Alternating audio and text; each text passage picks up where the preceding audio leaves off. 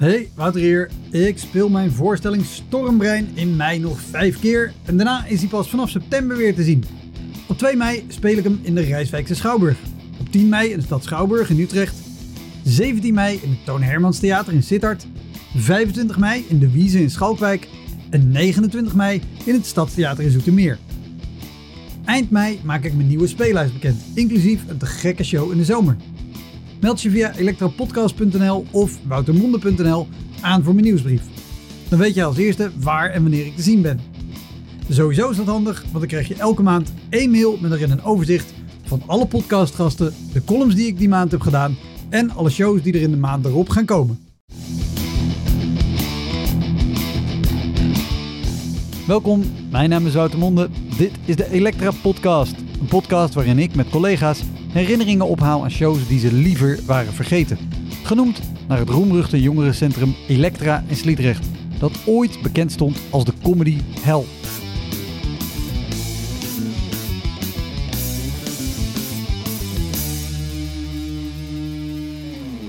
Mijn gast is deze keer Margot Ros, actrice.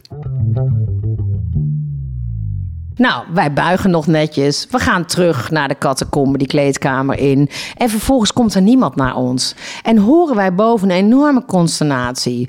Er was een ongelooflijke ruzie uitge... uitgebroken. Margot ken je ongetwijfeld van Toren C. Het sketchprogramma dat ze maakt met Maaike Meijer. Maar ze is ook actrice in serieuze toneelstukken. Ze regisseerde cabaretvoorstellingen en ze speelde ook zelf in cabaretvoorstellingen. Bij deze aflevering is een bonusaflevering, waarin Margot meer vertelt over de hersenbeschadiging die ze opliep tijdens een voorstelling met Waardenberg en de Jong. Die bonusaflevering is uitsluitend beschikbaar voor crewmembers. Crewmember worden kan al vanaf 1 euro per maand en regel je via elektrapodcast.nl. Over dat ongeluk en haar revalidatie daarna schreef Margot het boek Hersenschorsing. Dat is echt een aanrader om te lezen. Heel veel plezier. Dit is de Elektra Podcast met Margot Ros.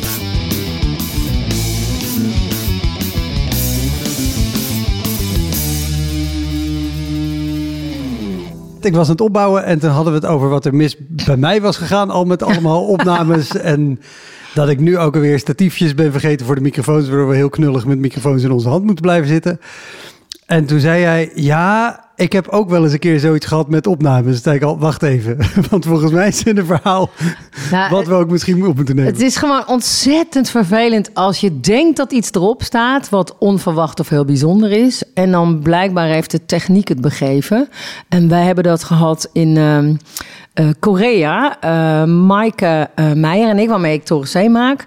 Ehm, wij mochten naar Korea. Wij dachten eerst dat het een grap was. Wij waren genomineerd voor een award voor Best Actress in the World. In Korea? probeerde niet te lachen terwijl ik dit ging zeggen tegen jou. Eh, in Korea. En ik dacht, toen wij dit hoorden, dacht ik eerst... oh, wij worden voor de gek gehouden. maar dat was niet zo. Wij waren genomineerd en we mochten naar Korea komen. En eh, er waren tickets voor ons. En dan was er een... ehm, Rode lopermoment. En we waren genomineerd met allemaal eh, hele. En, en, en heel even voordat je verder gaat, want wat, wat voor evenement is dit dat er in Korea Nederlandse actrices worden ge- it's Ik an gun het jullie van harte international, maar- international award. so if you are international, ja, dan moet je alles in huis hebben. Dus ook je jury. Dus alles wat daar zat kwam eh, van over de hele wereld. Eh, inclusief ook eh, veel Aziatische landen die wij daar ontmoet hebben. Allemaal acteurs, regisseurs, producenten waar wij nog nooit van gehoord hadden. Daar waren wij mee genomineerd. Maar ook met Britse acteurs. Dus het was echt wel super cool hoor. Ja. Toen we het eenmaal door hadden dat het geen grap was. en toen, eh, eh, toen zaten wij daar. Nou, hier kan je op zich al een hele podcast over maken, over die hele reis. Want eh, je bent in een land waarin iedereen ja knikt als het nee is. Dus eh, alles wat je nodig hebt, zeggen ze ja, maar ook al is het er niet. en dan heb je pas later door, oh, het is er niet. Dus wij gingen, ik denk ken twee... ik ook organisatoren in Nederland hoor, die zeggen ja, dat is er. Nee, het is er. Oh ja, ja dat, maak, dat maak je hier natuurlijk ook mee, ja. ja. Daar is het echt een cultuurding dat ze dat niet Ja. mogen eh, zeggen. Ze mogen geen nee tegen je zeggen. En wij ehm, dachten twee dagen voordat we weggingen... daar gaan we een documentaire over maken. Want ja, hoe bizar is dat? Ja. Dat wij met Toren C daar naartoe mogen. Dus wij hadden een cameraman zo gek gekregen om zijn spullen mee te nemen. Die ontmoeten wij op Schiphol. Hallo. Hallo Kees, fijn dat je meegaat. En uh, um, wij gaan naar Korea. En nu moet je weten, uh, wij zaten daar um, in een soort hysterie uh, in een hotel met allemaal mensen van over de hele wereld. Die allemaal gekapt, gegriemd. Nou ja, het was echt. Uh, dit hadden wij ook nog nooit meegemaakt. Dus s ochtends om zes uur of zo moesten wij in de kap en de griem, Mike en ik. voor die prijsuitreiking die smiddags ergens was. Ja. En um, ja, dan uh, zaten wij daar. Die cameraman ging dan mee zaten wij daar voor de spiegels. Maar dat zijn allemaal Aziatische dames die Aziatische mensen altijd opmaken. Die Aziatisch haar doen. Maar niet het haar van Magal Ros en Maaike Meijer... wat super dun is, uitge, uitgedroogd. en, krullend en, ook nog. Krullend. Dus dat werd er meteen uitgekamd, die krul. Ik zag er ook niet uit. Maaike's haar, daar ging echt de lak in. Ze zag eruit als koningin Beatrix. Het waren echt ontzettende grappige opnames. Want je zag ons heel langzaam groen worden met: oh nee, dit is heel lelijk. Gaan we dit zeggen dat, dat we dit anders willen? Durf jij dit te zeggen? Nee, want ze waren natuurlijk ook allemaal heel aardig. Dus wij zagen er niet uit, Wout. Het was ontzettend lelijk. Maar het was vooral onze blikken. Dat je dus echt in onze ogen kunt zien: nu ga ik eindelijk op een podium misschien mogen komen uh, staan voor een prijs. En dan, uh, overigens wisten wij trouwens al dat we op het podium zouden komen. Want uh, je bent dan wel genomineerd, maar ze gaan wel eerst vragen of je daadwerkelijk komt. Want dan krijg je de prijs. En als je niet komt, krijg je de prijs niet. Ja, want anders staat het lullig als ze zeggen... en de winner is Torrens C. En uh, C komt niet op het podium. precies. Dus wij zaten daar echt als hele zielige Calimero's in de spiegel te kijken... met dat enorme stomme haar. Je kan het terugzien op internet. En... Um, Oh, fijn. Die prijsuitreiking is er. We zouden op de rode loper gaan. Ging niet door, want er was een tyfoon. Dat hadden wij dan weer. Kun je eindelijk een rode loper hebben? No, no possible. Tyfoon, tyfoon. Ja, dus uh, alles waaide daar weg uh, buiten het gebouw. En uiteindelijk uh, um, hebben wij die prijs gekregen. Wat fantastisch was hoor. We hadden helemaal geoefend op een Koreaans bedankje. En die zaal ging echt uit zijn plaat. Oh, wat goed. Haseo! Ja, we stonden daar echt heel erg de show te stelen met onze absurde jurken aan. We hadden geweldige uh, jurken aan. En uh, de uh, Aziatische mensen vroegen zich ook de hele tijd af of dat traditional Dutch costume was. en wij deden hi, ja, hi. en um, dan moet je voorstellen, dat ga ik toch nog even vertellen voordat ik echt ga vertellen wat er misging. ja. Um, uh, uh, voordat je uh, die prijs krijgt, dan heb je natuurlijk alle nominaties. Dus ehm, er waren twee hele beroemde Koreanen die gingen die prijs uitreiken. Die kwamen het podium op en die zaal ging helemaal uit zijn plaat al. En uh, die spraken Koreaans, maar het werd tegelijkertijd vertaald in de zaal in het Engels. Dus oh. je hoorde en dan hoorde je een hele omvloerste stem ergens in de verte. En de nominees are for Best Actress. en dan zag je een prachtige clip van een uh, dramatische Engelse film. zag je een actrice echt heel ingeleefd spelen met... Oh mother, oh yes, my dear. En nou, die was dan genomineerd. En dan zag je weer een waanzinnige actrice, Aziatische actrice... in een hele mooie, uh, bijzondere uh, Chinese film... die je in het arthouse ziet spelen. Sotomadoga, Sotoba. Zo heel ingetogen. En dan hoorde je op een gegeven moment... And from Holland... Taosil! Maak Maya Magolos! En dan zag je ons als pubermeisjes in die lift staan. Heb je mijn rokje Nou, dat op zich was al een prijs waard. Dit trok ik gewoon eigenlijk helemaal niet. En toen kreeg je de portiers. Dus dan had je eerst dat rokje gegeel. En toen kreeg je, zo ja, een hele flauwe grap van de portiers. In die zaal vol met Koreanen. Nou, bizar. Uh, wij gaan op dat podium, wij krijgen die prijs en bloemen, allemaal fantastisch. Daarna is er een feest op een gigantische boot in de rivier midden in Seoul. Allemaal op die boot, muziek erbij, prachtig. We zitten net allemaal aan dat eten, borden met eten en drank. En op een gegeven moment, en het bleef maar regenen, hè, want ja, die tyfoon, tyfoon ja. ging maar door. En op een gegeven moment hoorden we, ga ga Wij keken nog naar onze tolk, want de hele dag was die vrouw aan onze reet geplakt om alles te vertalen. Get on board! Get on board! Uh, ik denk dat hij zegt: Get off the boat. Toen moest iedereen meteen van die boot af, want er was een gigantische overstroming. En wij konden niet meer die boot af, want die boot lag aan een soort kade, zeg maar. Maar wij kwamen buiten. Ja. En de kade was weg. Dat was helemaal weggeslagen door de regen. Die cameraman zat dit de hele tijd te filmen. Je begrijpt dat, een spannende televisie. een hele goede tv, ja. Dus eh, eh, wat gebeurde er? Ze gingen allemaal tafels uit de boot halen in die hysterie van de tyfoon. Die pleurden ze allemaal in het water. Daar moesten al die vrouwen met die gala-jurken op. eh, lopen, want dat kon nog net. Het was zeg maar anderhalve meter of zo. En, een eh, soort noodbrug. als een soort noodbrug, inderdaad, sorry. En eh, daarnaast gingen alle mannen, die sprongen gewoon in het water met die lakschoenen aan. En die gingen al die vrouwen helpen. Het was waanzinnig. En wij dus ook zo naar de overkant. Toen werden we allemaal in bussen gepleurd. Het was een soort noodplan. Met die prijs in onze hand, een bos bloemen en onze cameraman. En iedereen zat vervolgens, ja, had niks meer te eten, niks meer te drinken. Je werd teruggebracht naar je hotel, waar de bar gewoon ook dicht was. Dus het hele feest was in één keer afgelopen. Maar wij dachten, fantastisch beeldmateriaal. Hè? Toch? Je gaat een documentaire maken. nou, onze eh, cameraman die had dat kaartje van de camera. Eh, dat moet gerenderd worden. Hè? Even voor de luisteraar. Dat betekent dat je dan op een grotere schijf zet. Dat moet allemaal uit die camera komen. Ja. En dat, eh, ja, dat moet dan in een stopcontact en zo. En in je hotel. Dat had hij gedaan. Maar hij was toch even naar buiten gegaan om wat te gaan drinken. Of uit te waaieren in de tyfoon. Ik weet het niet. En hij trok de kaart van de kamer.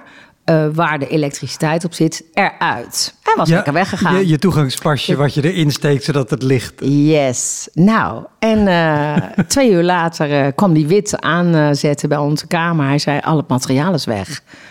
Maar dat is gewoon... Dat was gewoon zo zielig. Ik kon ook niet eens boos worden, want die man was zo wit Ja. weggetrokken. Al het materiaal van die middag, dus niet de ochtend, maar de middag, het opmaken en de, eh, die ochtend het opmaken. En eh, dus de prijs stond er wel op, maar dat en de tyfoon, dat hele leuke met z'n allen, we staan in het water tot onze nek met onze galenjurken, dat was weg. Oh, wat... En eh, ja, dat moet, dat moet je accepteren, dan moet je gewoon door.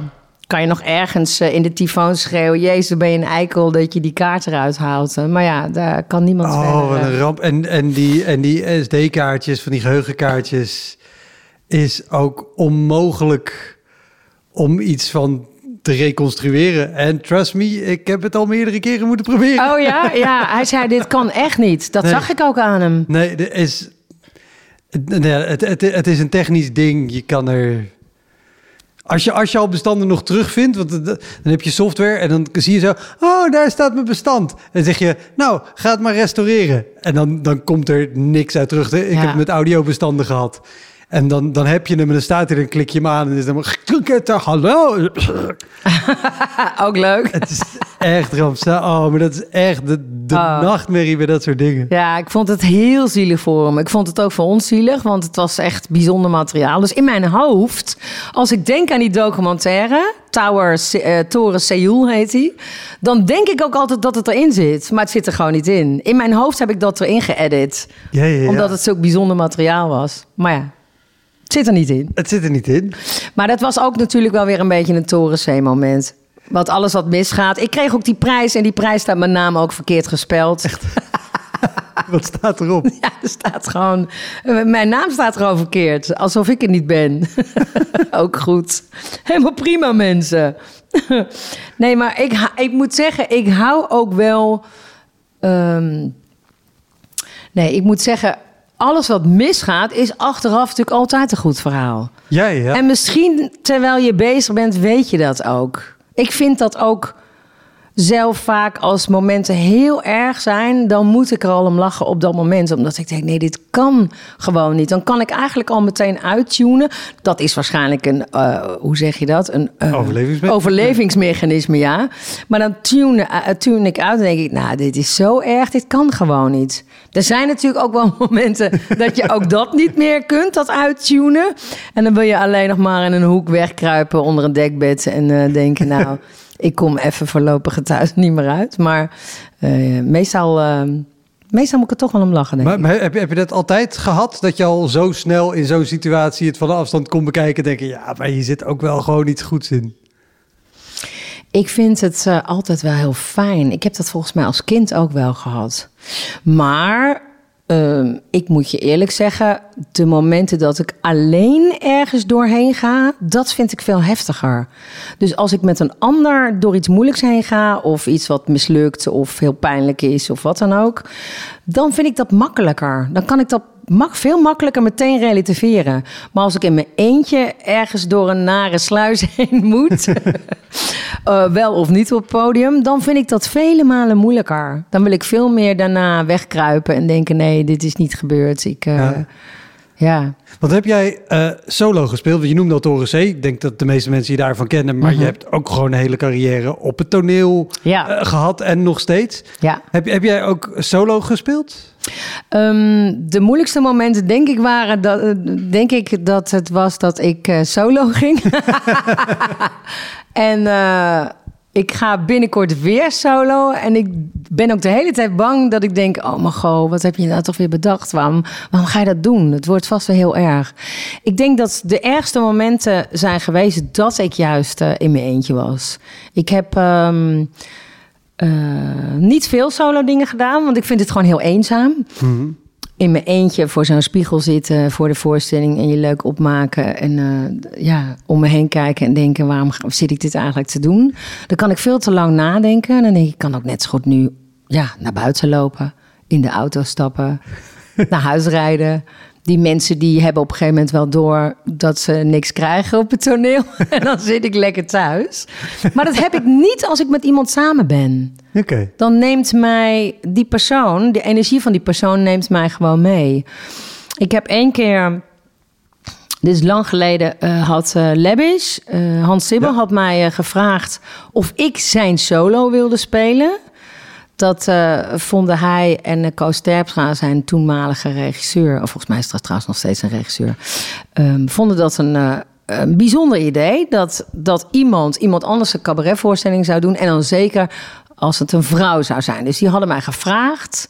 En ik zat destijds bij het Noord-Nederlands toneel. En toen dacht ik, oh, dit is spannend. Kan ik dat eens voelen hoe dat is in mijn eentje op het toneel? Ja, dat ga ik wel doen. En dan ook nog een voorstelling van Lebbes die... die ja. Nou ja, dat geldt natuurlijk in principe voor iedereen, maar zeker bij Lebbes. Dat is zo ontzettend Lebbes. Ja, ja het is een van mijn grootste lessen geweest op het podium als uitvoerend kunstenaar, zeg ik dan maar. Hè? Ja. Want ik ben, ik ben actrice, ik ben geen cabaretier. Ik ben echt een, zo zie ik mezelf ook, een actrice die soms uh, hele avonden zonder vierde wand uh, iets staat te doen. Maar dat was dat ook. Ik heb mij zo ingeleefd. Ik heb die tekst mij eigen gemaakt. En ik ben dan dus op dat moment een cabaretier die een tekst staat te doen. Maar in wezen is Hans dat natuurlijk ook op dat moment. Ja. Het komt alleen uit zijn koker. Maar het uh, publiek denkt heel vaak als iemand uh, staat te stand-uppen of een cabaretvoorstelling doet. Ja, je speelt alsof je ter plekke dingen invallen krijgt of zo. Maar dit heb je natuurlijk honderdduizend keer uitgedacht. Hè? Dat is de briljantie van dat de, is de kunst dat het uitvoerend lijkt. kunstenaar. Ja. Alsof het zo is. Uh, ja. Dus ik dacht, dat ga ik dat ga ik doen. Ik ga die teksten leren. Nou, daar heb ik heel lang over gedaan. Maar wat gebeurde er? Hij speelde uh, zijn voorstelling. Die had hij twee seizoenen gespeeld. En hij zou zijn laatste spelen in Amsterdam in de kleine komedie. En die zou hij eigenlijk zelf bijna niet spelen. Hij had al zijn matties uit het vak gevraagd om stukken uit zijn voorstelling te doen. Goed. Ja, en toen uh, zei hij, goh, wil jij dat ook doen? Want jij gaat over een maand dat spelen in, uh, in uh, Groningen. En dan ga jij ook op het podium van de kleine komedie dat spelen. Toen dacht ik, oh hè, be brave Margot. Gewoon doen. Dus dan moest ik, weet ik veel, vijf minuten of zo. Ik mocht zelf een stukje uitkiezen. Nou, ik had een leuk stukje uitgekozen. Ik kwam in de kleine komedie. Dat was barstensvol met mensen. En ook barstensvol met collega's. Allemaal vakgenoten. De top uit de Nederlandse cabaret liep daar rond. En zo ook ik daartussen. en uh, Lebby stond dan in de uh, coulissen. En die gaf af en toe commentaar. En het was echt een, een enorm bruisende avond. Serieus. Het publiek ging helemaal uit hun plaat. En ik was, uh, weet ik veel, nummertje tien of zo. En er waren denk ik nou wel 15 mensen of zo die zouden optreden. Maar ik was één ding eh, vergeten. Namelijk, als je optreedt in een omgeving waarin iedereen eh, alles en iedereen kent wat op dat podium komt. En ik kom op en iedereen denkt: wie is dat? Dan denkt iedereen: wie is dat? In plaats van dat hij bezig is met wat ik loop te zeggen. Dus het was één grote pan met gezelligheid. En toen was het: nou, hier is Margot Rosse. Stil. Maar compleet stil. Die hele kleine komedie. En ik begon uh, die tekst te doen, maar ik was zo onder de indruk van de totale stilte dat ik ging hakkelen. Oh, wat een hel. Ik voel het weer in mijn lijf. en, ik, en, dan hoor je, als je gaat hakkelen, hoor je... Oh, dit heeft ze natuurlijk niet zelf bedacht. Terwijl iedereen weet dat niemand die daar staat die tekst heeft bedacht. Maar ja, uh, zij waren natuurlijk zo briljant om commentaar op zijn teksten te geven. Of, nou ja, weet ik veel. Allemaal ja. hele uh, leuke dingen. Dus ik stond daar en ik kijk En hadden echt... ook nog eens de support van een hele zaal. Die denkt, oh wat vet, het is... Ja, die, die, hier die kwam materiaal. Raoul Heertje, mensen. En die was ontzettend, dat weet ik nog, die was voor mij. Die was ontzettend grappig. Ik stond er ook oprecht zelf van te genieten in de coulissen. Helemaal vergetend dat ik dadelijk daar zelf op moest. En hij krijgt echt een daverend applaus. En ik kom op en het sterft totaal uit. Oh, dat is... Al die gezichten, Ja. weet je wel. Dan zie je opeens hoeveel ringen eh, aan balkons de kleine komedie heeft. En ik kijk in een wanhopige blik rechts naar voren... waar daaronder zat Hans. Die zat tussen de eh, gordijnen naar mij te seinen. En ik zei, volgens mij eh, weet ik even niet wat er nu komt. Nou, ik, en dan moet je echt... ja, peper in die reet, jongens. Ik sta hier, ik moet doorgaan. Dit moet wel echt even ergens over gaan. Dus ik probeer in mijn ehm, op zoek naar een leuke grap nog iets met Hans te doen. Maar dat deed ik te snel. Dus dat konden mensen helemaal niet volgen dat dat grappig bedoeld was. En ik kon er werkelijk niks meer van maken. En uiteindelijk, Hans die riep fiets. Dat was nog wel leuk. Hans riep fiets. Toen zei ik, nee man, daar zijn we helemaal niet. Je bent echt helemaal verkeerd. Jij staat niet hier, ik sta hier. Ook nog een grote mond hebben. Echt zo dom, Margot. Terwijl je, ik bezig was, dacht ik... Margot, waarom doe je dit nou? Je hebt een grote bek, maar je kan het helemaal niet nu hier. En nu ga je grappig lopen wezen door Hans helemaal af te fakkelen. Werkt niet, hou maar op. En dat terwijl je dus Terwijl je doorpraat. staat, hè? Ja. Oh, wat een hel. En op een gegeven moment komen we wel bij het woord fiets. Dat was een lach, dat weet ik nog. Dat ik dan eh, zei, oh, daar is hij hoor. Ja, nou, dankjewel. Het was toch een fiets. En het was op een gegeven moment klaar. En ik ben afgegaan. Ik ben dus ook echt afgegaan, maar ik ben afgegaan. en ik ga eh, naar de beneden achter het theater. Daar is een soort klein barretje. Daar stonden al die andere eh, lieve collega's van mij... die mij meteen op de schouder gingen slaan. Hé, maar gewoon, nou ja, je hebt in ieder geval gestaan. Verschrikkelijk. Ik heb een tas gepakt. Eh, het was kort daarna was het afgelopen, de avond, voor mijn gevoel. Of ik heb eerst eh, in de kleedkamer even uitgezakt, eh, in de hoek gezeten... met mijn handen voor mijn gezicht en gedacht, waar is hier de nooduitgang? Mijn tas gepakt en toen ging ik, dat had ik nooit moeten doen... toen ging ik terug naar de hal. Waar al die mensen stonden die allemaal blij waren... van al die cabaretiers die ze gezien hadden. En op het moment dat ik de hal binnenkwam van de Kleine Comedie draaide iedereen zich af, Wouter. Nee, serieus. Dat gebeurt er dan. Dat is wat mensen doen. Oh, Ja, ja, ja. En mijn twee eh, beste vrienden, die deden dat gelukkig niet. Maar die stonden wel met ogen op stokken. Van ja, Margot, ja, wij gaan natuurlijk niet zeggen dat dit goed was. Maar eh, nou weet je, ook deze dag gaat weer voorbij. Oh, en, en ook nog, mocht je dit horen en nog nooit in de kleine comedie zijn geweest. Het is een vrij klein theater, dus die foyer, Helemaal vol. als die helemaal vol staat, staat iedereen gewoon schouder aan Ja. schouder. Ja. En als dan iedereen zo... Wat ik snap dat ze wegdraaien, want het is ook het ongemak met... oh, we weten allemaal wat er gebeurd is en daar willen we het niet Ja. over hebben. Ja. Ja, Het ik, moet ja. ijzingwekkend koud zijn. Ik ging naar huis. Ik heb daar, denk ik, een dag of twee... heb ik me echt even helemaal teruggetrokken en gedacht... waar ga ik aan beginnen? Want ik, ging, ik moest die hele voorstelling nog spelen. Hè? Dat ook nog. Avondvullend. Het was echt eh, een dik uur en twintig minuten wat ik moest gaan doen. En ehm godzijdank... Jij stort nu even helemaal in. Godzijdank heb ik ook soms... eh, ja, ik weet niet waar ik dat vandaan had. Ik denk, ja, maar godverdomme, dit gaat toch niet gebeuren, zeg. Ik moet, ja, daar heb ik toch een soort revanche gevoel. Ja. Dat, dat heb ik dan wel. Dat is op niks gebaseerd, maar dat zit gewoon in mij in. Uh, dat is ook niet iets om een uh, schouderklopje voor te krijgen. Dat, dat zit gewoon in mijn DNA ingebakken. Dus ik dacht, hoe dan ook ga ik dat gewoon doen. Maar godzijdank had ik dat ook, want ik ging dat spelen. En daarin was de setting natuurlijk... oh, we zitten bij het Noord-Nederlands toneel. We gaan kijken naar Margot Ros... die de voorstelling van Hans Siebel gaat spelen. Wat is dat voor een bijzonder concept? Ja. Daar gaan we eens heen. En vervolgens hadden ze een geweldige avond... want ze hadden al die teksten en grappen van Hans. Wat er gebeurde was... Hans maakt natuurlijk veel meer grappen dan ik met zijn materiaal. Hij heeft een hele andere dynamiek in spreken. Dus uh, zijn voorstelling werd heel anders doordat ik hem speelde. Ja. Dat vond hij zelf heel erg leuk. Hij, hij regisseerde mij. Dus uh, ik, hij had een heel spannend verhaal. Dat vertelde ik echt honderd keer spannender volgens hem. En um, er zaten ook stukken in, dan uh, had hij het over zijn ballen. Nou, dat kon ik dan natuurlijk niet doen. Dan had ik het geloof ik over mijn eigen eierstokken. En uh, mensen vonden het geweldig. En ik heb vervolgens daar drie weken uitverkocht gespeeld. Oh, wat goed. En er waren mensen komen kijken die toen ook in de Kleine Comedie het gezien hadden. En die zagen het dus een maand later. Waaronder Harry Kies. Uh, dat was het toenmalige Impresariaat. impresariaat ja. van hem. En die, die, kwam, die kwam kijken bij mij in Groningen. En die zei, nou, dit... dit had ik nooit geloofd als uh, toen ik jou zag. En nu, een maand later, sta jij dit te doen. En met zo'n vertrouwen en met zo'n gemak. En het is zo'n leuke voorstelling geworden. Dus nou ja, dat was voor mij op heel veel fronten, uh, zeg maar, een les.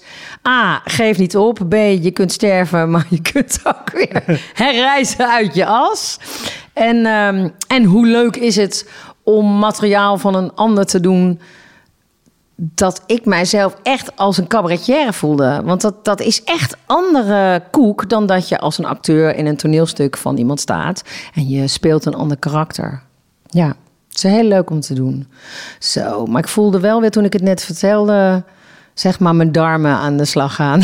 Ja, ja, ja. maar, maar, maar denk je ook, uh, zou, zou je het die, die periode van drie weken net zo goed hebben gespeeld en net zo goed hebben voorbereid als je die avond in de kleine komedie wel gewoon lekker was gegaan? Goeie vraag. Dat heb ik me nooit afgevraagd. Jawel, ik denk het wel. Want dan heb je, veel, dan heb je toch veel meer uh, wind onder je vleugels. Dat denk ik wel. Ja, ja. Nou, omdat je ook zegt, ik heb zo'n gevoel dat ik... Ja, het is een andere energie nemen. waar het uitkomt. Ja. Maar dan had ik het denk ik even goed gedaan... omdat je dan de energie hebt van... jeetje, ik heb gewoon dit gedurfd. Nou, nu ga ik ook die anderhalf uur aandurven. Ik vond dat ook lang op het podium. In je eentje een uur en twintig minuten...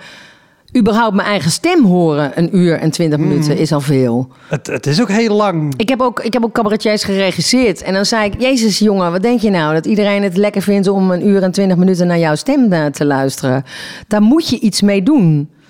Je kan niet de hele tijd naar datzelfde timbre en dezelfde... Um, weet je wel, ik praat nu ook de hele tijd op deze manier. En op een gegeven moment denk je ook, kan die vrouw even uit. Ja, ja maar, maar, maar dat is inderdaad dan het verschil in toonhoogte, in tempo, in ja. alles, alles wat, je, wat je doet. Hoi, Wouter hier. Luister je vaker Elektra? Dan is het een goed idee om crewmember te worden. Je doneert dan automatisch elke maand een klein bedrag. En in ruil daarvoor krijg je extra afleveringen, consumptiebonnen om in te wisselen als je eens live bij mij komt kijken. En je krijgt een unieke link waarmee je voortaan de podcast luistert zonder dat ik halverwege onderbreek om te vragen of je crewmember wil worden. Zoals nu. Dus, word crewmember. Dat kan al vanaf 1 euro per maand. In de omschrijving van deze aflevering vind je een linkje voor meer informatie. Oké, snel weer terug. Overigens, wat ik, wat ik uh, in dat licht van te vroeg in de carrière heel leuk vind, alle dingen die je beschreef, die je deed in de kleine komedie, weet je, zo gaan hakkelen en dan eigenlijk vanuit een soort misplaatste arrogantie ook nog Hans op zijn plek willen gaan zetten. Oh, verschrikkelijk. Dat zijn dingen die ik ook zo vaak mis. Die gaan bijvoorbeeld op een, op een open podium met echte beginners, waar het niet misgaat. En die gaan dan afgeven op de zaal of op de MC Ja. of op andere. Dat je denkt, nee, daar ligt Niet het allemaal doen. niet aan. Het ligt aan jou. Oh, ik ben ook heel benieuwd hoe ik dat nu ga doen. Ik ga sowieso. Ik heb altijd een mengvorm tussen toneel en cabaret. Dat is voor mij een soort ideale vorm. Dan kan ik veel makkelijker ook transformeren. Dat vind ik dan weer prettig. Maar ik heb een onmetelijk respect voor, uh, voor jullie cabaretiers. Omdat het echt blote billenwerk is. Hmm. Dat is compleet anders dan hoe ik het ervaar als ik een personage speel. Um, dus daar staan met je eigen verhaal, met je eigen grappen, met alleen maar je eigen lichaam. geen geen uh, vreemde dingen die je daarmee uh, gaat doen, behalve om iets te duiden, omdat iemand typisch loopt of praat of wat dan ook. Ja, dat is een soort uitgekleedheid, een soort naaktheid, die als ik op het toneel sta, wel naar op zoek ga, omdat ik het heel spannend vind om in dat gebied te komen, maar mij zo zwemmend kan uh, voelen. Ja, dus ja, maar ik ga er toch elke keer een beetje naar op zoek. Omdat ik dat ook spannend vind. Want daarmee denk ik ook iets te vinden wat, wat weer nieuw is. En dat blijft toch wel, daar blijf ik wel naar op zoek. Als, als maker. Om, om mezelf toch een beetje opnieuw uit te vinden elke keer. Daarom blijf ik ook nooit lang met iets hangen. Ik heb, ik heb uh, uh, voorstelling met Erik van Muiswinkel gemaakt. Zo ben ik echt bij cabaret, zeg maar, gekomen. Bij... Uh, um, hoe heet het, die vorm, zeg maar. Maar ik dacht, ja, ik ga niet nu zes jaar lang een duo zijn met Erik van Muiswinkel. Ik wil van alles doen. Ja. Dus wat dat betreft ben ik ook niet te grijpen in wat ik doe. Ik heb een keer dat gedaan, een keer dat, een keer dat. Ik hoop dat ik nog een keer het echt aandurf om alleen maar met mezelf uh, daar te staan. Maar misschien moet ik dan echt een pamper aandoen, want dan uh, ga ik toch echt, denk ik, echt poepen. nou, je hebt al een hele goede voorbereiding gehad volgens mij, dus ik zou zeggen, doe het. Wel over Erik Muiswinkel. Ik weet dat uh, Erik is ook wel eens te gast geweest. Ja, die heb ik gehoord. Al, al, ja, ja. al een tijd geleden, maar die vertelde ook volgens mij een verhaal over de show van jullie twee bij, het, bij de jury, eh, de, de finale van het Groningen Cabaret Festival. Ja, ja. Ja, jongens, ja. Nou, het was sowieso een spannende tijd dat. Want Erik gaf mij, toen was ik echt net, nou weet ik veel, een jaar of twee uh, begonnen in dit uh, vak. Ik was net van school af. Hij vroeg of ik met hem die voorstelling wilde uh, maken. En hij schreef dat dan samen met Justus van Oel. En um, hij had bedacht dat daar ook cabaret in zou zitten. Uh, wij speelden een hele voorstelling met een heel verhaal erin. Het was best wel moeilijk. Het was eigenlijk bedoeld gewoon als, als theatervoorstelling? Ja, het was als theatervoorstelling uh, bedoeld. Oh, okay, ja, okay, ja, ja, ja, En wij speelden een deel daaruit bij het Groningen Cabaret Festival. Maar eerlijk gezegd, ja, het was daar compleet stil. Ik ga dat verhaal niet helemaal herhalen, want die moeten die mensen maar gaan luisteren wat Erik van Muiswinkel vertelt. Ik zal een linkje erbij zetten. De, het was echt gewoon complete stille zaal en niemand heeft gelachen of gereageerd of wat dan ook. En, uh, maar het was niet mijn ergste hoe zeg je dat, dieptepunt van die voorstelling. Die heb ik gehad echt in het oosten van het land. Ik vergeet altijd op welke plekken zijn. Maar ik weet wel dat het in het oosten van het land was. Ook bij die productie. Want Erik had bedacht, nou, we hebben dan dat verhaal. En dat spelen we echt. Dus ik kon echt als actrice, zeg maar, deze voorstelling spelen. Maar hij had ook bedacht, we gaan ieder ook een kwartier op het podium staan alleen. Dus hij ging dan een paar types doen. En had daar leuke verhalen bij. En ik mocht dat dan ook doen. En op de een of andere manier had ik toen ook al dat ik dacht: oh, nou, nou leuk, dat kan ik proberen. Maar het uh, moment naderde en ik had nog geen tekst gekregen van Erik. Ik had totaal geen ervaring om een tekst te lezen. Er zijn cabaretiers die kunnen dat. Die lezen dat even of die lezen de krant en die gaan het podium op en die doen dan even hè, vijf minuten proberen. Maar dat kan ik niet. Dus wij staan voor het eerst avondvullend in een grote bak ergens in het oosten van het land. En hij zegt twee dagen van tevoren: Dit is je tekst. En ik zo, maar dat kan ik helemaal niet doen. Ja, maar dat moet, want we zijn avondvullend. Dus we, we, we gaan nu met z'n tweeën. Ik ga een kwartier en dan jij, nou, dan mag jij tien minuten. Nou, Erik was geweest. Dus eigenlijk weer hetzelfde verhaal. Mensen lachen, jongen, want hij had hele leuke types. Ja, die man is natuurlijk geweldig. Die doet allemaal geweldige mensen na. Heeft en hele... nog even, jij was net twee jaar bezig. Ja. Hij was op dat moment zeker 25 jaar bezig. Ja, zeker. Dus, uh, hè... Uh... Klein verschilletje. Hij gaat af, ik kom op. En deze hele bak is... Uh, het was net of alle mensen weggelopen waren. En ik doe die tekst... En uh, ik loop na die tekst af. En ik loop rechtdoor naar de kleedkamer, want het was pauze daarna. En ik pak twee tissues van die, van die, uit die bak die we gebruikt om ons gezicht schoon te vegen als we klaar waren met spelen. Die zet ik uh, meteen onder mijn oogleden. En ik ben zo gaan zitten. En ik heb even gehuild. En toen kwam Erik. En die moet zeggen, moet zeggen ik, ik huil nooit om dat soort dingen. Maar het was totale paniek. Ik had als een konijn in de koplampen gekeken. Ik dacht, nee, dit gaat niet. Toen heeft hij ook zijn verontschuldigingen aangeboden. Want de man is altijd te laat met zijn tekst, hoor. Want ik heb daarna nog vaker met hem gewerkt. nooit op tijd. Altijd, nee, maar ik, het komt naar je toe en dan komt het niet. En ik uh, ben niet iemand die dat zo op mijn mouw schudt. Dus toen heeft hij ook in die kleedkamer diezelfde avond zijn verontschuldigingen aangeboden. Ja, dit had ik gewoon eerder moeten geven. Dit is ook inderdaad misschien wel moeilijk voor je. We gaan daar morgen nog aan werken en dan uh, zien we hoe het gaat. En uh, langzaam hebben wij onszelf herpakt en is dat uiteindelijk goed gekomen. Maar ja, de avonden dat ik opkwam en de zaal totaal niet reageerde, die heb ik echt bij die voorstelling regelmatig meegemaakt. Ja. Oh. Uh, gelukkig uh, was dat ook bij Erik wel eens zo. En dan vierde ik feest. We hebben één keer... we kwamen in Reuzel. Ik kom uit Eindhoven. Reuzel is een dorpje. Dat ligt er helemaal onder bij de Belgische grens. En ja. ik zei... Oh, wat leuk. Dat is vlak bij ons. Daar ben ik vroeger geweest. Heb ik carnaval gevierd.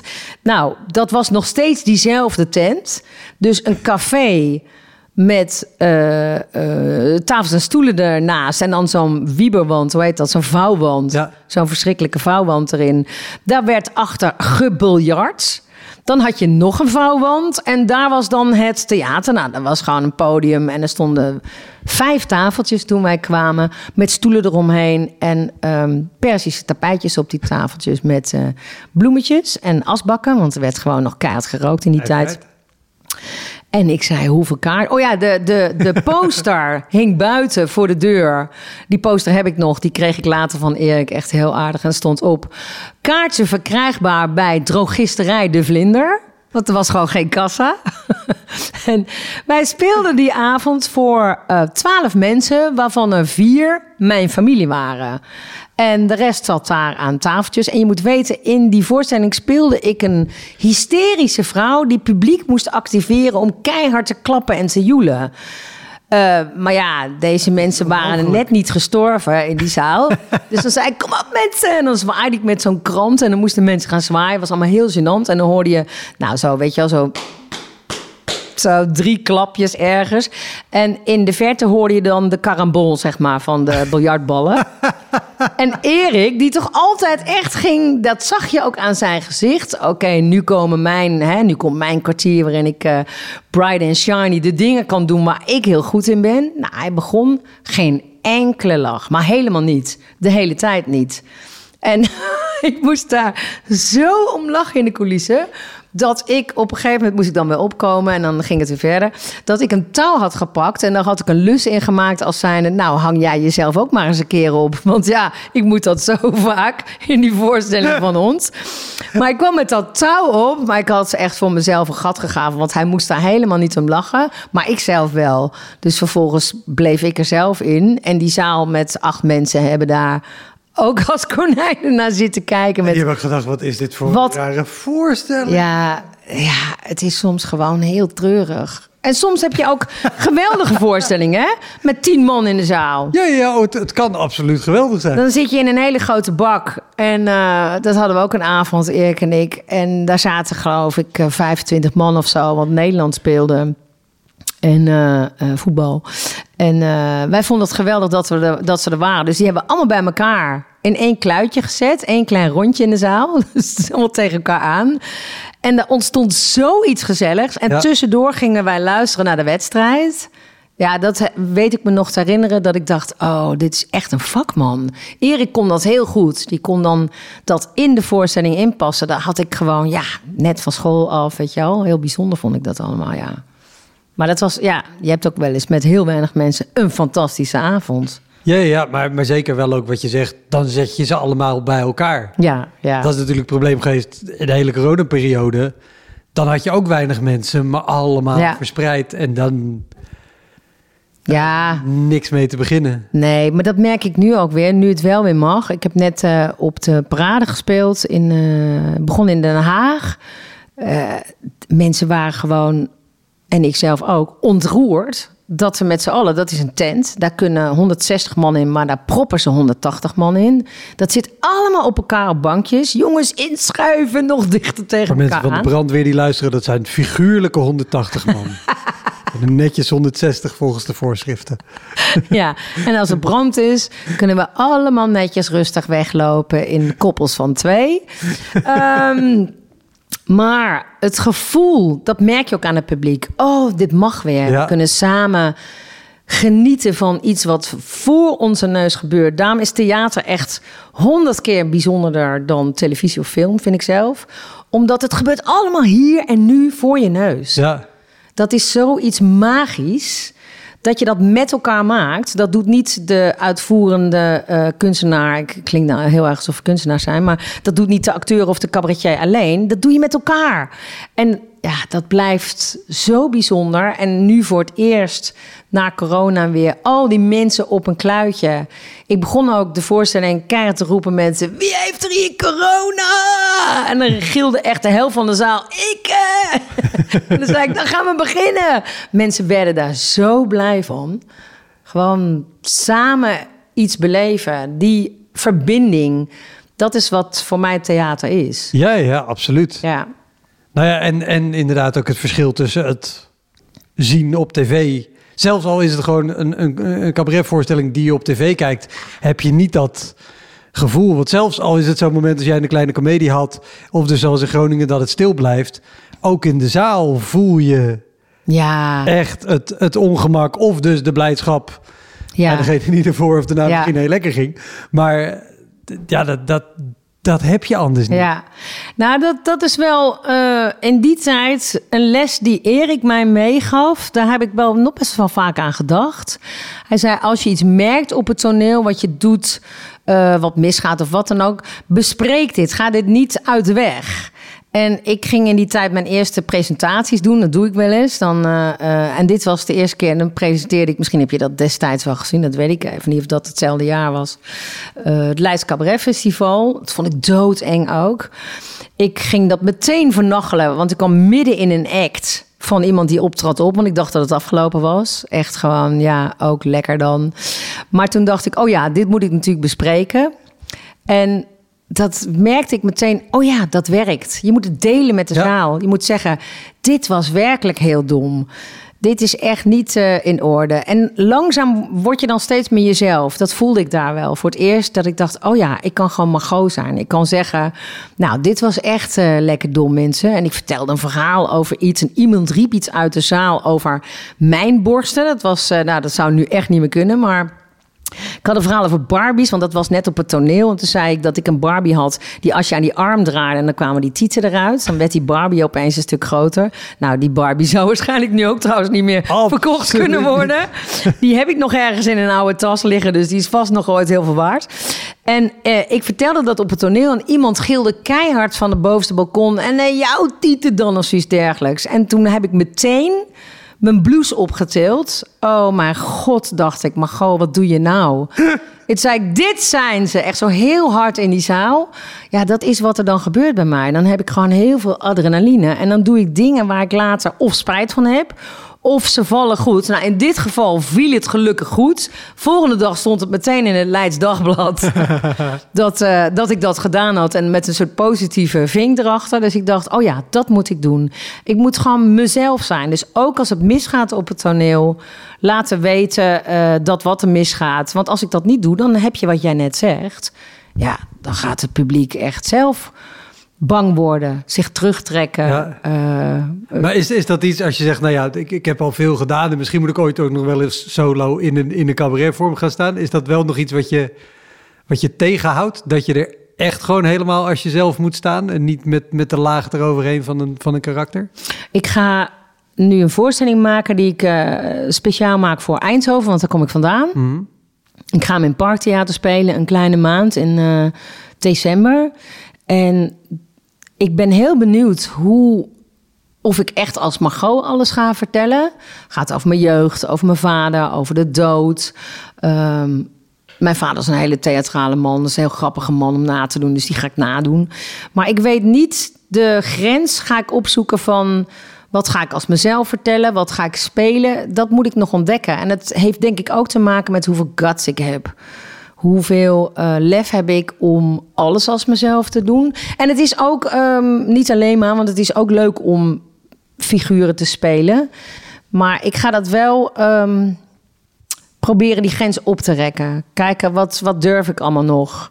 En ik ben wel echt heel bang dat ik heel nerveus ga zijn.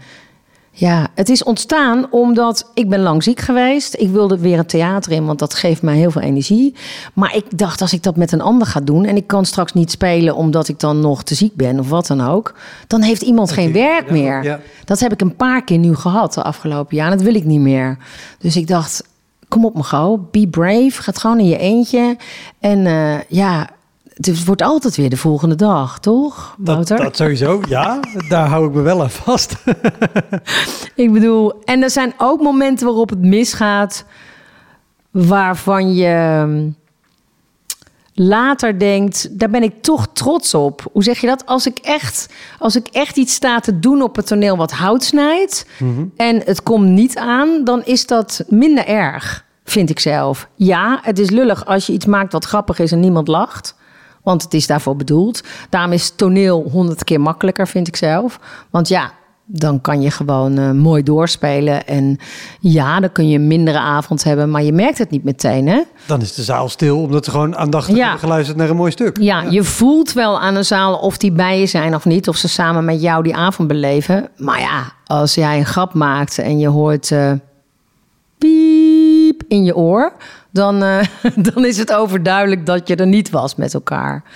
Ja, ik ga het zien. Ik, ik, ik, ik heb ooit opgetreden met Maaike. Ik heb dat niet zo vaak gedaan. Wij hebben een aantal keren, en ik zelf ook een aantal keer, maar volgens mij kan ik ze op twee handen tellen. Opgetreden voor dingen buiten theater. Dus voor bedrijven mhm. of uh, nou ja, hele bijzondere evenementen of wat dan ook.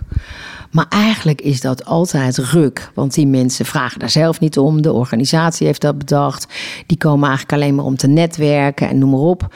Maar ja, je hoort altijd van cabaretiers. Hè? Oh, dat is lekker, want dan verdien je heel veel geld. Maar eigenlijk werkt dat voor mij helemaal niet. Want ik doe er heel lang over om iets op maat te maken. En uh, je kan het niet repeteren van tevoren. Nee. Uh, in ieder geval niet try-outen.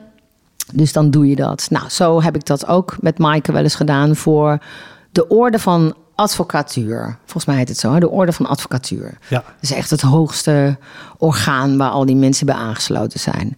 Nou, prima, hartstikke goed. Gaan we doen, half uur optreden. We hebben dat helemaal op maat zitten maken. Het onderwerp voor hun die dag uh, was dat de, de teruglopende uh, inkomsten voor de advocaten van dat jaar. En dan moet je weten, wij lopen over de parkeer plaats naar dat evenement toe. En daar staan allemaal auto's van ruim boven ton. Alleen maar hele grote, dure auto's. Dan gaat er bij mij al iets aan, hè? Dan denk ik al, nee, lekker dan zo'n dag. En um, ik ga dit vertellen omdat ik net tegen jou zei dat jij denkt: waarom gaat die vrouw dit vertellen? Soms mislukt het, maar ben je toch trots? Hè? dat zei ik net. Daar, ging dit even over. En um, nou, wij komen daar binnen en ze hebben... Uh, Ferry Mingelen was de uh, dagvoorzitter... en die heeft gesprekken met een aantal belangrijke dekens. De, de politiek verslaggever van, van het journaal. Heel Precies, die zit daar op het podium... in zo'n prachtig zitje met zijn glazen water erbij. En wij komen boven in de zaal... kon je dan stiekem meekijken naar hoe die dag zich voltrok. En ik weet nog dat Maaike meteen heel nerveus werd... want het was overduidelijk, dit is een uber chic Weet je al, dit is de toplaag uh, van de uh, rechter en advocaat Nederland, wat hier allemaal bij elkaar zit. En wij komen daar binnen als een stelletje. Nou, ik had een tas bij me van de Dirk van de Broek waar allemaal spullen in zaten. Dit om even aan te geven, zeg maar. Auto's van een ton en we gewoon met En sowieso, want Ferry Mingelen daar als dagvoorzitter, daar kan je ook gewoon van dat geld al een leuke tweedehands middenklasser kopen.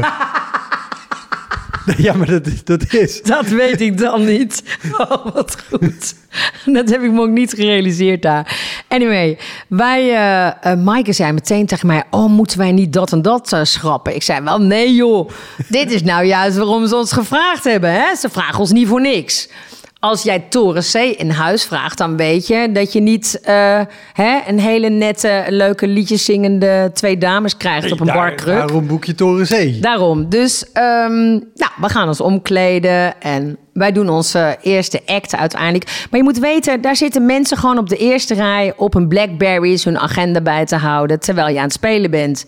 Want ja, het belangrijkste is dat ze zo meteen eh, kunnen netwerken. En dan moeten ze nog even door een half uur theater heen. Die zaal was overduidelijk ingedeeld met dat alle belangrijke mensen vooraan zaten. En eh, de tweede ring, daar zaten alle, nou ja, plebs zeg maar, van de kantoren. Die mochten ook nog mee. en wij beginnen als de pubermeisjes. Dus we staan dus dan samen op het toneel eh, te praten over wat het eh, kost om een minuut eh, bij een advocaat te zijn. Maar dat ging natuurlijk over allerlei seksuele handelingen en noem maar op. En achter de emballage van de Albert Heijn kon je ook zeg maar per minuut betaald worden. En nou, mensen moesten ontzettend lachen en die act was afgelopen. En we zaten er echt wel lekker in. En ik had mijn kauwgum in mijn mond en ik dacht, shit, ik heb nu een volgende, maar waar laat ik die kauwgum? Dus ik loop naar voren en ik zeg tegen zo'n eh, hele nette dame op de eerste rij, houd u uw hand even eh, op. En ik leg daar mijn kauwgum in, wat ik zelf een hele goede grap vond. En iedereen ook, dus de rest moest allemaal lachen. En die vrouw zat daar met die kauwgum en die, ik heb geen idee waar ze hem gelaten heeft. En wij beginnen aan de volgende act. Eh, nu moet je weten, de gast, de eregast, volgens mij was hij hoofdvoorzitter, was Tom de Graaf. Eh, destijds was hij volgens mij nog burgemeester van Nijmegen. Ja, eh, politicus En, van D66. Precies. En, Nu hoofd van de NS of zo? ik heb geen idee. Ehm, ik heb sindsdien niks meer van hem gehoord. Ik zal ook zo meteen vertellen waarom. Hij zat op de eerste rij in het midden. We hebben een aantal, nou, ik denk dat we zo'n kwartier, twintig minuten onderweg zijn. En we hadden een act. ehm, we hadden een soort van mondmasker, zo'n zo'n ding wat je voor kon binden, achter de oren doen. En dan kon je op een, eh, een, eh, een soort blaasbalgje, zeg maar, drukken. Ja. En dan bewoog die mond heen en weer. Dus je kon iemand laten praten, als het ware.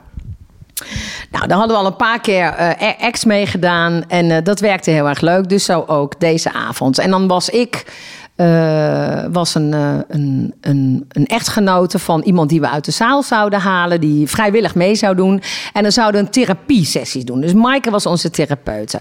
Nou, dus we vroegen wie wilde hier met haar samen dit doen. En Tom de Graaf die dacht, nou hè... Dat ga ik doen. Want ik ben erevoorzitter en ik ben eh erelid vandaag. Mooie gast. Die stak zijn hand op. Dus wij trekken hem het podium op. Hij krijgt een applausje. Hij krijgt die mondbakkers voor. En je moet weten dat per definitie alles wat je zegt leuk is. Want je laat iemand zo praten. Dus opeens sprak Tom de Graaf of zo. Nou, dan kan je mij al wegdragen. Want het is zoiets raars dat iemand die je kent ineens een hele andere stem heeft. Nou. Wij zijn een stijl, wij spelen een stijl. Eh, Tom en ik, maar Tom zonder dat hij het wil, wat moeilijkheden heeft in het huwelijk. En ik vertel waarom, dat hij zich altijd zo misdraagt. Eh, en Maaike, die, die deed die stem de hele tijd. Dus die zei dan bijvoorbeeld van... eh, ja, ik vind het gewoon lekker om overal naar lekkere wijven te kijken. En dan moest hij zo moest lachen, Wouter. Nou, het ging echt als een speer. Het was echt een superleuke sfeer. Echter, wij zoeken natuurlijk altijd het randje op. Wanneer stop je eh, en op welk moment? Eh, dat zijn twee dezelfde dingen, maar goed, ik voel nu weer toch een lichte spanning. en wij hebben het erover dat hij zijn kleren altijd uittrekt als wij in het openbaar zijn. Maar toen voelde je al die spanning in de zaal stijgen. En toen zei ik, jij gaat dat nu niet doen. Nee, schat, dat ga je niet doen. Ja, dat ga ik wel doen, ja. Nee, dat ga jij niet doen. Jij houdt je kleren aan, ik schaam me dood. Ik ga mijn kleren uitdoen. Maar je zag hem toch een beetje gestrest staan. En op een gegeven moment trok hij het niet meer. Deed hij zijn masker af. En liep hij terug de zaal in. En wij bedankten hem zo van... eh, zo, nou, eh, dat was dan eh, klaar. Dankjewel. applaus kreeg hij. Afijn, wij spelen door. We hebben nog een liedje. En daarna krijgen wij bloemen. En die bloemen willen wij aan hem aanbieden. Maar hij weigert die bloemen. En opeens was daar een consternatie in de zaal rondom hem. Want hè, de eregast, weigerde de bloemen van deze mensen. Nou, wij buigen nog netjes. We gaan terug naar de catacombe, die kleedkamer in. En vervolgens komt er niemand naar ons. En horen wij boven een enorme consternatie. Er was een ongelooflijke ruzie uitge... uitgebroken. Hij was namelijk de zaal uitgerend, zijn auto ingestapt en weggereden. De eregast van de dag was weg, mensen. En die hele orde die ons hadden geboekt, die begonnen daar totaal in paniek te schreeuwen naar elkaar. Wie heeft deze vrouwen geboekt? Wie heeft ze hier naar binnen gehaald? Hier is hier juridisch voor gaan spraken. Nou, echt. Wij gaan, eh, nou, onze agenten heeft dat een beetje daar een soort gesust. En eh, dat duurde toch nog wel eventjes. Op een gegeven moment hebben wij onze spullen gepakt. Ik weet nog dat ik met die Dirktas aan de zijkant van het gebouw, want onze auto stond ergens aan de zijkant geparkeerd, stond te wachten tot wij met z'n allen verzameld waren. En daar kwamen al die gasten uit dat gebouw uh, voorbij gelopen om ook naar een auto te gaan. Want ja, uh, hè, de eregast was weg. Er was nog een kleine borrel, maar voor de rest, uh, de helft ging al naar huis.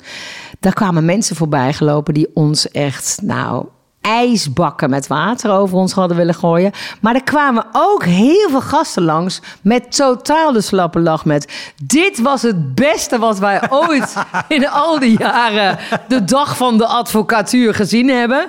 Wij kregen kaartjes mee, serieus Wouter, met... als je een advocaat nodig hebt op deze zaak, ik doe het prodeo op deze zaak. Wij dachten, waar gaan wij nu in zitten? En daarna zijn, daarna zijn wij naar huis gegaan. Na twee dagen kreeg de krant hier lucht van. Heeft in de NRC gestaan. Serieus, hij is nog opgebeld en alles. Uh, ja, dat die dag zo uh, mislukte was geëindigd. En wij hebben het uiteindelijk daarbij gelaten. Want ik heb helemaal gezin om die man door het slijk te halen.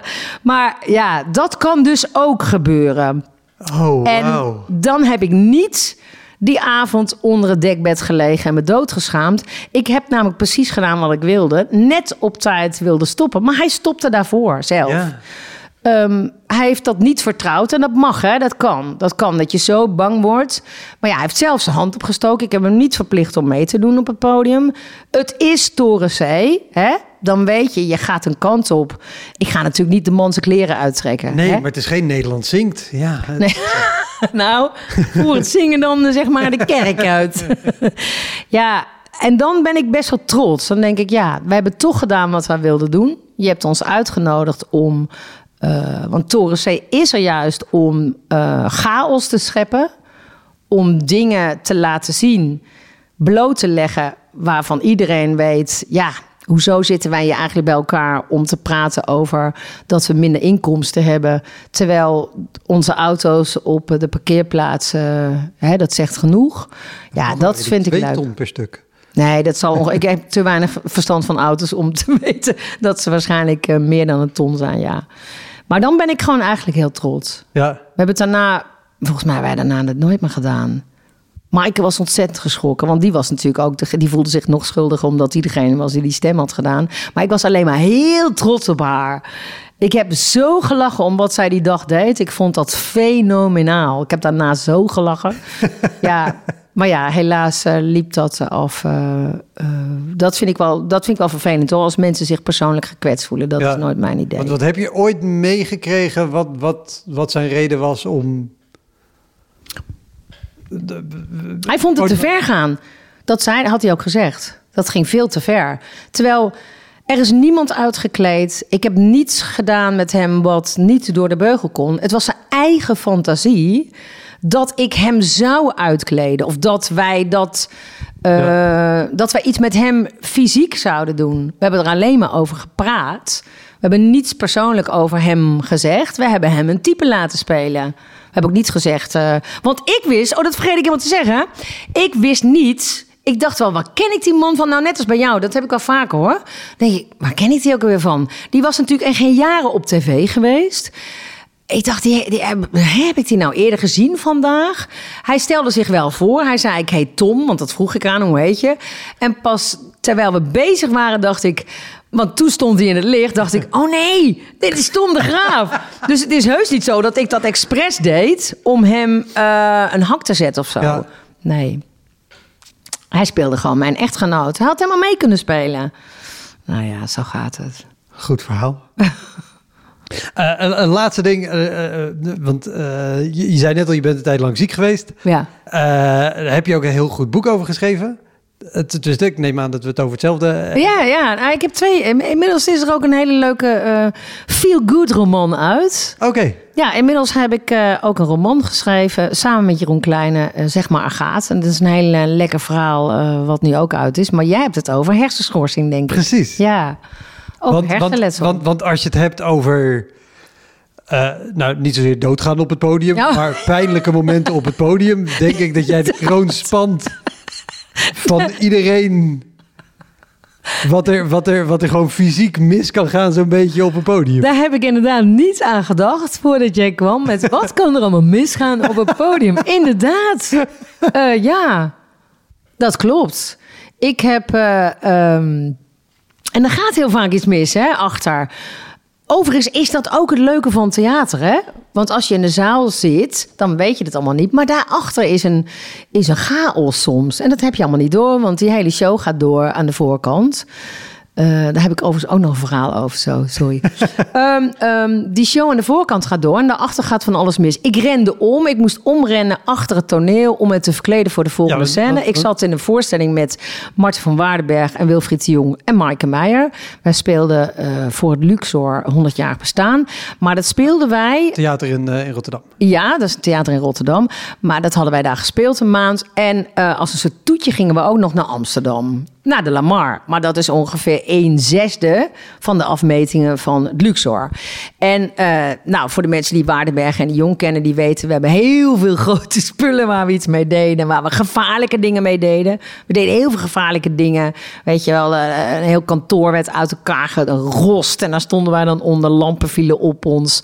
Eh, cement uit de muur getrokken. Kabels overal. Daar stonden wij meters hoog in die zooi. Zij stonden op enorme grote katrollen. Waar ik ook nog op gestaan ben. Ik dacht, oh jongens, ik ga toch niet vallen in de voorstelling. Maar ja, ik wil me ook niet laten kennen. Dus ik sta erop. Maar wat gebeurde er? Achter het toneel, terwijl niemand het zag, rende ik tegen een een duikplank aan die uitgetrokken was. Een decorstuk van ons wat stond te wachten op de laatste scène. En daar stond geen licht op. En ik ren daar keihard tegenaan. En ik stoot mijn hoofd. Ik ben even de weg kwijt. En eh, uiteindelijk... Die jongens waren aan het spelen terwijl ik dit had. Eh, dat duurt altijd lekker lang, want ja, dat publiek gaat maar door. En zij dus ook. En ehm, ik krijg er tegenaan. En dat ging eigenlijk allemaal best wel prima. Dus ik speel die voorstelling gewoon door. Wel een beetje duizelig. Dat je denkt, ik flikker dadelijk op die eerste rij, zeg die mensen. Maar dat ging wel. Ehm, dan heb je een, eh, een hersenschudding, maar die ging niet over. En dan noemen ze het de PCS. En dan zit je er wel een tijdje mee. Nou, daar heb ik ongeveer 3,5 jaar mee gezeten. Dat is dan niet aangeboren hersenletsel, zo heet dat. En ik ben dat boek gaan schrijven omdat ik helemaal geen boek kon vinden dat, wat daarover ging. Om een beetje hoop te geven, om een beetje te laten weten aan iedereen die hierin zit: ehm, kom op, zet door. Eh, uiteindelijk eh, gaat het beter worden dan hoe je vandaag voelt. En eh, dat heb ik samen met Jeroen Kleine geschreven. En nou, dat. Ja. Maar ik ben, nu ik dit vertel, denk ik: ik ben zo vaak. Is er iets misgegaan achter het toneel wat niemand zag?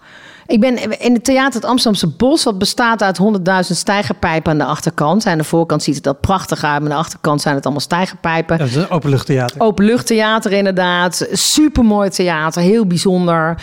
Maar ja, aan de achterkant is dat een en al kabels, wat, weet je wel, eh, dat is allemaal wel we- weggewerkt. Maar ja, eh, iedereen is ook maar menselijk en eh, je staat buiten. Dus ik ben wel eens een keer uit zo'n toren, hè, dan moest je heel, was dan heel bijzonder, en dan rende je helemaal hoog die trap op. Helemaal bovenin. En dan ging je bovenin die steiger, oh, zes meter hoog te roepen. Daar zijn ze! Weet je, een stuk van Shakespeare of zo. Dat vond je dan leuk. Moest je snel die trap eraf om je te verkleden voor de volgende scène. Veel te snel de trap afgaan. Met je voet vast komen zitten, want die spijlen zijn veel te kort. Je kent dat wel, dan heb je te weinig ruimte. En dan zit je met je voeten tussen. Ik klapte naar achter en ik hing gewoon zes meter boven de grond. Niemand die me zag. Jongens! Want ja, je kan niet lopen schreeuwen, want die voorstelling is... Jongens! Jongens, jongens. Ik moest mijn schoen uitdoen, dat gespje losmaken boven de grond. Eh, er gebeurt zoveel achter het toneel waar je gelukkig geen weet van hebt als je in de zaal zit. En eerlijk gezegd vind ik dat ook, niet dat het misgaat hoor, want uh, die... Uh, PCS had ik echt heel graag willen missen in het leven. Maar um, het feit dat daar van alles gebeurt wat je niet ziet als publiek, dat vind ik iets heel bijzonders hebben ook van theater. Je staat om de hoek, dan kan je je tong uitsteken en dat ziet niemand. En dan ga je in het licht staan en dan doe je iets heel anders.